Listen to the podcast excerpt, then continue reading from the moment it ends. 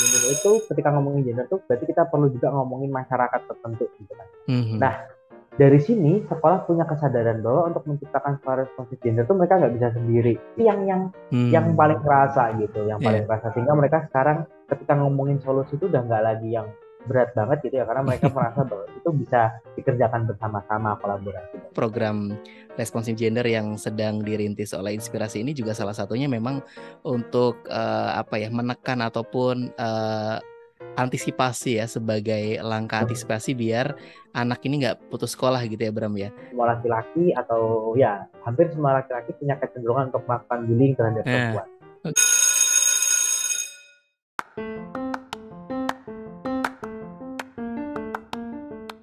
Oke, kembali lagi di podcast Capsec uh, barengan Inspirasi Foundation. Ada saya Fahmi dan juga Bram dan kita masih ngomongin tentang responsif gender gitu ya. Jadi ini adalah salah satu program yang sedang dirintis oleh Inspirasi tepatnya di daerah Kabupaten Pemalang ya Jawa Tengah. Nah, ini ada Bram yang memang uh, in charge di sana Terus tadi kita udah banyak sekali ngobrol tentang uh, bentuk kegiatan yang seperti apa, kemudian isunya mau ke mana gitu ya Bram ya. Terus aku pengen tahu dong uh, gimana sih respon ya responsif ya, responnya si uh, beneficiaries atau uh, peserta kegiatannya ya, uh, baik dari guru ataupun kepala sekolah ketika nerima program ini kayak apa Bram? Oke baik ini ini hal yang menarik juga ya uh. buat bahkan mungkin buat hampir semua uh, peserta gitu kan ya ini sesuatu hmm. yang uh, baru gitu ya buat, buat yeah. mereka artinya baru uh, baik secara konsep gitu kan hmm. kan ya uh, maupun uh, bagaimana program ini difokuskan gitu kan ya uh, bisa dibilang ini hampir semua hal itu baru gitu buat buat hmm. buat hmm. peserta hmm. ah, okay. Um, apa namanya ketika apa namanya uh, workshop demi workshop lalu hmm. juga uh, RTL demi RTL itu partisipasinya juga cukup tinggi gitu ya cukup tinggi hmm. gitu uh, apa namanya ini paling nggak jadi salah satu indikator yang paling bisa dilihat lah ya uh. kalau untuk bagaimana uh, antusiasme uh, peserta gitu yes. dan juga memang uh, apa namanya memang sengaja workshop dan RTL ini didesain uh, berkesinambungan artinya hmm. satu RTL tidak dilakukan maka hmm. untuk ikut workshop dan RTL berikutnya itu mungkin akan uh, sedikit kesusahan gitu nah Uh, tapi justru ini ternyata uh, mendorong uh, para peserta kepala sekolah hmm. dan juga guru gitu kan untuk untuk terus terlibat gitu kan untuk terus terlibat untuk terus uh, apa namanya melakukan hal-hal uh, yang mereka dapat dari workshop di sekolah hmm. gitu.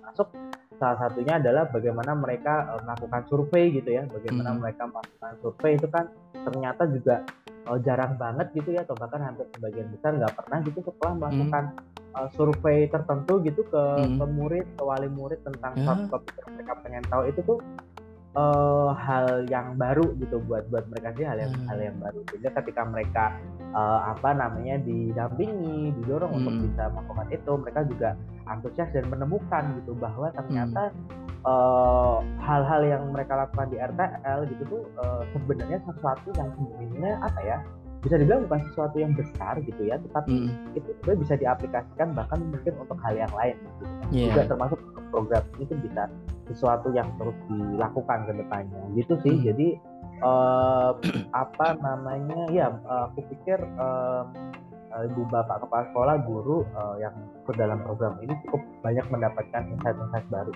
Hmm. Hmm. Terus ini apa-apa yang berubah Bram dari bapak ibu ini? Mungkin di awal ketika belum ikutan workshop gitu ya, kemudian belum didampingi uh, juga di sekolah, kemudian ini kan sudah berjalan nih programnya dan workshopnya juga sudah selesai ya, udah lima kali workshop tadi. Uh, apa yang mungkin uh, kamu rasakan gitu ya ketika dulu di awal, kemudian sekarang obrolannya kok udah beda nih ketika di sekolah gitu kan. Nah, ketika sekarang apa yang mungkin uh, berbeda yang kamu temukan di mereka? Iya, ya kan salah satu jadi gini ya, salah satu pendekatan soal gender itu adalah bagaimana sekolah itu perlu melihat bahwa um, topik gender itu ketika hmm. mau dibagikan gitu kan ya, hmm. ya, uh, atau katakanlah mau diwujudkan itu tidak bisa um, tidak bisa diwujudkan sendiri oleh yeah. sekolah gitu. Karena kita, seperti yang tadi uh, mungkin udah kita uh, kesinggung gitu kan ya, gender itu ketika ngomongin gender itu berarti kita perlu juga ngomongin masyarakat tertentu gitu kan. Hmm. Nah dari sini sekolah punya kesadaran bahwa untuk menciptakan sekolah responsif gender itu mereka nggak bisa sendiri gitu hmm. perlu ada pelibatan stakeholder stakeholder yang lain gitu kan. yeah. termasuk dalam hal ini adalah paling dekat sekali dan paling signifikan adalah wali murid gitu hmm. nah um, ini satu kesadaran yang baru gitu yang aku temui dan aku rasakan ketika bicara tentang katakanlah let's say uh, karena sekarang uh, apa namanya tahapnya adalah bagaimana sekolah mulai mengimplementasikan uh, solusi-solusi gitu ya hmm. uh, solusi-solusi untuk menangani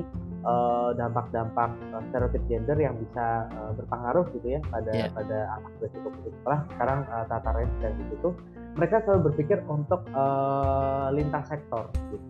Uh -huh. artinya mereka tidak lagi menganggap uh, bahwa semua itu harus sekolah gitu ya yeah. karena ini juga nah, ini, ini hal yang menarik juga karena di awal-awal gitu ya di awal-awal selalu muncul uh, semacam uh, apa ya uh, argumen atau opini-opini dengan ton ya bahwa sekolah tuh uh, terbatas gitu. Yeah. Lalu justru sekarang mereka melihat permasalahan-permasalahan itu secara multi sektor artinya ada pihak-pihak lain yang bisa dilibatkan dan perlu dilibatkan hmm. selain misalnya wali uh, murid dan orang tua gitu kan ini hmm. juga yang menarik gitu ya karena kebanyakan uh, peserta ini juga datang dari sekolah di uh, konteks uh, masyarakat pedesaan gitu ya hmm. di mana hmm um, bisa dibilang keterikatan atau ya keterikatan sosial gitu ya di masyarakat desa itu kan masih tinggi ya.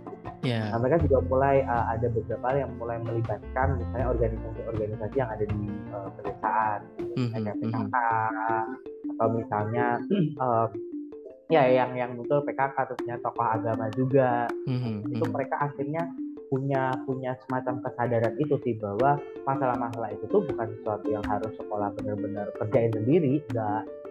Tapi juga perlu melibatkan uh, stakeholder yang lain lapisan-lapisan yang lain. Karena itu tadi terkait uh, hal-hal itu gender terus juga bagaimana itu mempengaruhi anak berisiko putus sekolah itu tuh hmm. ya, berangkat juga dari dari situasi konteks masyarakatnya juga.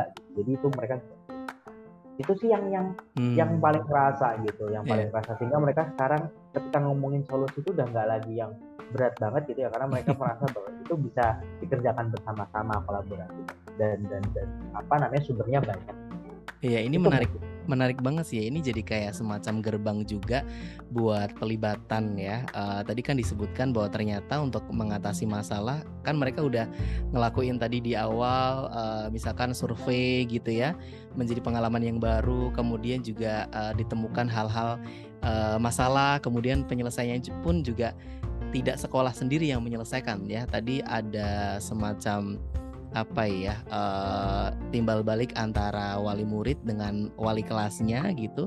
Mungkin dengan masyarakat sekitar yang ada di sekolah itu gitu ya.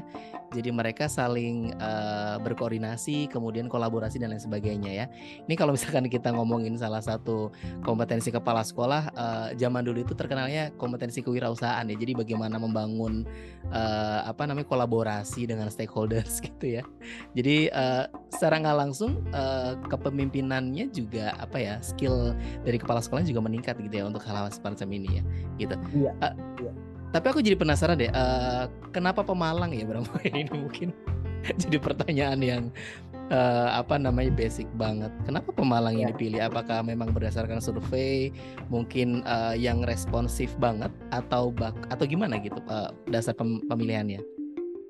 Oke, jadi kenapa Pemalang gitu kan ya? Karena hmm. uh, sebenarnya gini, um, sekolah responsif itu kan um, bisa diterapkan secara umum, bisa hmm. diterapkan hmm. untuk untuk hal-hal yang lebih spesifik gitu yeah. dalam hal program yang dilakukan oleh inspirasi itu tuh secara spesifik adalah untuk menangani uh, anak berisiko putus sekolah. Nah yeah. kebetulan inspirasi ini uh, ketemu gitu ya emang kalau jodoh hmm. itu udah nggak mana gitu ketemu uh, dengan uh, apa namanya ketemu dengan UNICEF gitu yang ternyata hmm. dalam beberapa tahun terakhir itu memang cukup punya concern pada hmm. uh, konteks pendataan anak tidak yeah. sekolah dan anak berisiko putus sekolah. Dan hmm. di tahun 2021 uh, UNICEF kebetulan melakukan pendataan di beberapa wilayah di uh, Jawa Tengah yeah. dan salah satunya adalah uh, di Pemalang. Gitu. Hmm. Dan waktu itu uh, ketika di awal gitu kita melihat bahwa uh, Pemalang ini uh, apa namanya uh, datanya sudah ada gitu kan ya dan kebetulan uh, pemerintah kabupatennya gitu udah cukup punya apa ya bisa di bisa dibilang akhirnya juga punya concern yang sama gitu terkait hmm. dengan uh, menangani anak tidak sekolah dan anak berisiko putus sekolah gitu. Hmm. Uh, salah satunya adalah itu terwujud salah satunya dengan uh, gerakan uh, yang dibangun oleh Pemkap uh, mm-hmm. Pemalang gitu kan dengan didorong oleh uh, UNICEF dan uh, masyarakat yang lainnya gitu akhirnya sekarang Pemkap Pemalang punya gerakan Juh Sekolah Maning gitu itu sebenarnya mm. ada satu gerakan yang concern gitu ya pada usaha-usaha mengembalikan uh, anak yang tidak sekolah gitu tapi kan hmm. uh, punya concern juga ya bagaimana yang berisiko yeah, putus yeah. sekolah supaya nggak terkonvert gitu jadi anak tidak sekolah gitu nah makanya uh, di sini inspirasi uh, masuk untuk untuk apa namanya untuk uh, masuk dan uh, bisa dibilang menangani atau ambil peran gitu ya di sisi itu tadi uh, apa namanya mitigasi lah ya, hmm. ya atau antisipasi ya mungkin lebih tepatnya antisipasi gitu supaya uh, anak anak tidak sekolah tidak Oke, okay. uh, aku ada satu pertanyaan yang mungkin kalau Bram bisa menganalogikan gitu ya. Kalau misalkan ada kepala sekolah nih A gitu uh, yang ikut program inspirasi tentang responsif gender sama uh, profil kepala sekolah B gitu ya yang nggak tahu tentang program itu uh, gimana sih Bram? Mungkin kita bisa bedain nggak sih antara keduanya itu gitu. Jadi biar paling nggak tahu oh profil yang diharapkan tuh yang seperti ini sebenarnya kalau yang ikut kegiatannya uh, inspirasi yang responsif gender ini itu gimana Bram? Oke, aku akan coba untuk uh, menggambarkan ini dengan gambaran yang paling sederhana ya. Uh, uh. Oke, gini, anak berisiko putus sekolah itu pada dasarnya ada di mana-mana gitu ya. Yeah. Anak, anak berisiko sekolah apa putus sekolah itu pada dasarnya ada di mana. Nah, kepala sekolah yang uh, kurang responsif gender gitu ya, yeah, yeah. tidak ada responsif gender akan uh. melihat faktor-faktor uh, hal-hal yang bikin anak uh, berisiko putus sekolah itu ya udah itu menganggap itu sebagai uh, bisa dibilang apa namanya uh, masalah umum gitu ya masalah umum. Tapi kalau uh, kepala sekolah yang punya uh, kepekaan responsif gender gitu ya um, dia akan melihat masalah-masalah itu gitu kan ya menggali memetakan masalah-masalah itu bahwa hal-hal itu terjadi karena ya karena um, stereotip gender yang berkembang di uh, masyarakat. Itu sih. Jadi bagaimana melihat masalahnya itu jadi itu kalau sekolah uh, kalau kepala sekolah yang uh, punya pendekatan responsif. Gitu. Oke, luar biasa nih paling enggak kepala sekolah kalau udah mulai aware nih ada siswa-siswinya yang tadi ya uh, mulai ini kok polanya uh, yang cewek nih yang uh, apa namanya selalu punya kerjaan lain di rumah gitu ya. Terus ini yang mulai cowok-cowoknya kok mulai uh, ini ya agak apa menunjukkan sisi maskulinitasnya dan jadi jadi lumayan superior di kelas. Nah ini yeah. ini mungkin uh, kepala sekolah udah mulai ini ya ada radar-radar gitu ya untuk nantinya oh ini ada ada masalah-masalah ataupun stereotip gender nih yang terjadi di kelas kayak gitu ya. Oke, okay, ini menarik banget sih. Uh, tapi kalau ngomong tentang programnya sendiri gimana Bram? Ini berarti semuanya udah kelar atau uh, masih ada kelanjutannya atau seperti apa? Ya, jadi terkait dengan uh, programnya sendiri yang berjalan hmm. sekarang sekolah uh, punya waktu kurang lebih satu bulan uh. untuk menangani satu akar penyebab gitu kan dengan solusi yang sudah mereka rancang. Gitu. Uh, Oke. Okay. Selama satu bulan ini uh, mereka punya waktu untuk mempersiapkan uh, kalau itu ada terkait dengan materi atau sesuatu uh, hal yang ya materi gitu ya materi hmm. yang perlu dibagikan mereka perlu melakukan itu kalau itu ada sesuatu yang mereka perlu bekerja sama dengan pihak-pihak yang lain berarti mereka sekarang sedang akan membangun komunikasi dan membuat semacam peta uh, apa namanya uh, bisa dibilang roadmap gitu ya kegiatannya yeah. nanti akan seperti apa gitu um, kalau itu terkait dengan pengadaan sarana prasarana berarti mereka sekarang sedang uh, tataran uh, budgeting dan segala macam jadi hmm. intinya um, karena ini di awal-awal November ya, uh, jadi masih pada tahap perencanaan. Tapi jelas selama satu bulan itu nanti uh, mereka akan mulai uh, melaksanakan apa yang sudah mereka susun sebagai solusi. Uh, Oke, okay, boleh spill dong, Bram, uh, salah satu contoh aja gitu ya, yang udah dirimu lihat gitu. Apa sih masalah? Mungkin bisa general gitu. Apa sih masalah yang paling uh, banyak gitu ya yang terjadi di Pemalang? Kemudian uh, gimana sih mereka merancang solusi-solusinya kemudian uh, akan seperti apa nanti kegiatan-kegiatannya gitu mungkin bisa sedikit spill-spill gitu Oke baik, salah satunya mungkin adalah uh, ini uh, apa satu masalah yang ditemukan dari hasil survei gitu ya. Uh, ada beberapa uh. Sekolah, ada beberapa sekolah yang ternyata dari hasil survei cukup punya concern terkait dengan bagaimana uh, persepsi orang tua gitu ya, persepsi mm -hmm. orang tua terhadap pentingnya pendidikan. Ah, ini baik okay. untuk murid laki-laki maupun uh, murid perempuan gitu ya. Mm -hmm. uh, ditemukan juga ternyata bahwa uh, apa namanya persepsi orang tua tentang pendidikan tuh di beberapa sekolah masih kurang uh, aware gitu. Mm. Nah, yang akan uh, yang akan dilakukan oleh sekolah beberapa tadi ada seperti misalnya mereka akan membuat uh, dalam satu bulan ini mereka akan membuat semacam uh, mini program gitu lah ya katakanlah hmm, mini hmm. program gitu di mana uh, mini program itu mereka akan uh, selama sebulan mereka akan bikin tiga kali pertemuan gitu ya mereka hmm. akan bikin tiga kali pertemuan dengan uh, murid dan juga wali murid gitu kan. Hmm. di mana di setiap pertemuan itu nanti akan ada semacam aktivitas gitu ya untuk membangun kesadaran tentang pentingnya pendidikan. Gitu sih.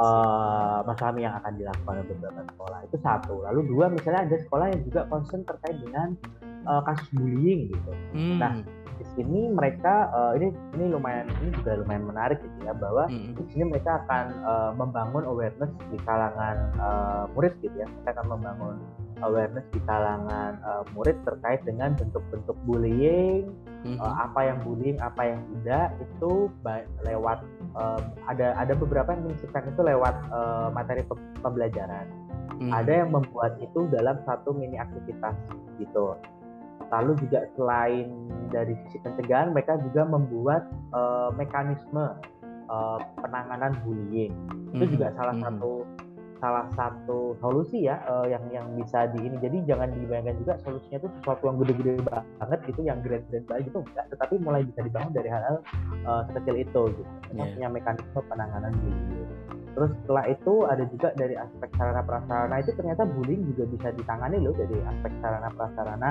mungkin bayangannya udah oh mungkin masang CCTV gitu hmm, enggak juga yeah. sebenarnya mulai dari meminimalisir uh, ruang-ruang atau sudut sekolahan yang misalnya rawan terjadi bullying gitu ya, mm-hmm. itu diminimalisir aksesnya buat murid. Atau mm-hmm. kalau nggak diminimalisir aksesnya, paling enggak di jam-jam tertentu seperti misalnya jam-jam istirahat atau jam-jam pulang sekolah, itu ada uh, guru atau siapa pun yang memonitor uh, kawasan apa area-area itu supaya uh, apa namanya tidak berpotensi menimbulkan bullying. Karena sebagaimana kita tahu kan bullying biasa terjadi di ruang-ruang yang apa terpantau ya terpantau hmm. gitu ya kalau konteks yeah. anak-anak gitu jadi itu itu itu itu, itu bisa jadi solusi juga. Jadi jadi macam-macam banget sih mas Wati uh, hmm. karena kenapa macam-macam ya? Karena semua sekolah punya konsep yang berbeda dan uh, semua sekolah dalam menentukan solusi itu uh, benar-benar uh, berdasarkan dari uh, kemampuan mereka, kreativitas mereka dan segala macam. Jadi dari sini inspirasi hanya hanya memberikan referensi aja gitu. Hmm. Selebihnya uh, sekolah bisa mengembangkan dari referensi yang uh, kita kasih. Oke, luar biasa banget. Ini uh, seru banget ya listeners ya. Jadi uh, udah komplit tadi yang kita obrolin. Jadi uh, salah satu ini kalau misalkan aku simpulin boleh nggak ya? Kalau aku simpulin bahwa sebenarnya program responsif gender yang sedang dirintis oleh inspirasi ini juga salah satunya memang untuk uh, apa ya menekan ataupun uh, antisipasi ya sebagai langkah antisipasi biar anak ini nggak putus sekolah gitu ya Bram ya. Karena tadi uh, terkait persepsi orang tua itu kan juga jadi salah satu faktor anak uh, putus sekolah gitu ya. Terus ada akses dan fasilitas, kemudian ada tadi peran juga peran ya. ganda yang ya, dimiliki si siswa ya, terutama mungkin siswa perempuan uh, dia masih harus belajar tapi di rumah dia harus ngerjain kerjaan rumah sehingga mungkin mau belajar jadi agak terbatas ya karena uh, boro-boro mau belajar gitu bapak ibunya udah nyuruh dia ngurusin adiknya misalkan gitu nah, ya kan terus uh, yang tadi yang terakhir disampaikan adalah terkait bullying itu juga uh, ini bullying ini juga uh, deket banget sama gender juga ya karena ya. Uh, ini ada nggak sih ini jadi pengen tanya lagi ada nggak sih survei yang hmm. yang bilang bahwa uh, korban bullying itu lebih banyak perempuan gitu mungkin atau oke okay. pernah nemu ya. nggak? Ya kalau terkait dengan riset itu memang um, yang spesifik uh, ini menariknya gini jadi uh, baik pada laki-laki maupun perempuan bullying itu tetap uh, bisa terjadi gitu yeah. Iya. uh, bisa terjadi dalam artian begini baik dari sisi korban gitu ya maupun hmm. dari sisi pelaku jadi yeah. di antara kalangan teman apa namanya yang perempuan juga bisa terjadi sesama perempuan bisa terjadi bullying hmm. laki-laki hmm. juga bisa terjadi bullying yeah. laki-laki ke perempuan juga bisa jadi yeah um, apakah uh, apa namanya apakah uh, lebih banyak perempuan atau enggak sebenarnya enggak juga gitu karena hmm. uh, apa namanya sebenarnya kan ya ini lagi ini juga juga satu hal yang perlu dilepaskan gitu ya dari hmm. dari dari stereotip gender gitu bahwa uh, apa namanya uh, semua laki-laki atau ya hampir semua laki-laki punya kecenderungan untuk melakukan bullying terhadap yeah. perempuan enggak okay. juga enggak juga yeah. sebenarnya enggak juga gitu nah, karena bentuk bullying itu sebenarnya kan datang dari uh, ketidakpemahaman gitu ya hmm. uh, akan akan bentuk-bentuk bullying definisi itu gitu hmm. sih makanya uh, ini juga lumayan cukup jadi concern gitu uh, hmm. karena tidak mengenal laki-laki uh, atau perempuan gitu ini siapa pun bisa melakukan dan itu Oke deh. Yes, uh, thank you banget ya Bram ya udah ngobrol-ngobrol barengan kita ini. Aku jadi pengen muterin lagunya Danar dulu. Tahu nggak lagunya Danar ya tentang bullying? Iya iya iya. iya. Uh, Danar Widianto yeah. jebolannya X Factor apa Indonesian Idol ya? Iya itulah. Iya, ajang pencarian bakat ya. Iya. Oke, thank you banget Bram udah ngobrol-ngobrol sama kita. Uh, dan kayaknya uh, inspirasi juga nanti kayaknya bakal share juga ya materi-materi terkait uh, responsive gender ini di websitenya kita ya. Jadi buat ya. anda nih listeners yang pengen tahu uh, apa sih materinya kayak apa sih, nah nanti kita juga akan share gitu ya uh, silakan buat Anda yang pengen tahu lebih lengkap, tidak hanya materi-materi tentang responsive gender, materi-materi kita, workshop-workshop kita terkait dengan kepemimpinan pembelajaran juga ada, sudah kita share juga di websitenya Inspirasi di www.inspirasifoundation.org slash referensi ya. Buat Anda uh, silakan aja langsung ke sana, uh, open banget buat diskusi ya Bram ya. Uh, jadi buat Anda yang pengen uh, tahu lebih lengkap tentang inspirasi ini saya uh, mumpung mau closing nih Bram. jadi sekaligus promosi. Uh, selain tadi websitenya dari kita, uh, Anda juga bisa mengunjungi medsos kita ya di uh, @inspirasi.foundation untuk Instagram dan juga Facebook. Di Twitter juga ada @inspirasi.fndtn. Terus link ini juga ada di Inspirasi Foundation. Gitu. Sekali lagi thank you ya Bram ya udah nyempetin waktu buat ngobrol-ngobrol sama kita. Sukses. Terima kasih juga. ini uh, ngomong-ngomong, proyeknya bakal lanjut nggak ya? ah, kita lihat nanti apa kita lihat ya. ini aku udah pakai apa namanya zakatnya UNICEF loh. Semoga UNICEF. Nanti nonton biar bisa kasih proyek ya, kita lagi ya. Karena pasti daerah-daerah lain juga butuh ya Bram yang ya. kayak gini ya tidak hanya Pemalang barangkali ya. daerah lain juga uh, apa namanya uh, perlu juga uh, apa workshop tentang responsive gender ini Nah ini tidak menutup kemungkinan juga buat anda yang pengen menjalin kerjasama dengan inspirasi juga boleh ya. Silakan aja kepoin Instagram dan juga website kita. Oke, kalau gitu aku pamit undur diri. Bram sekali lagi makasih. Kita ketemu lagi di episode berikutnya. Terima kasih listeners. Bye. Bye semua. Thank you.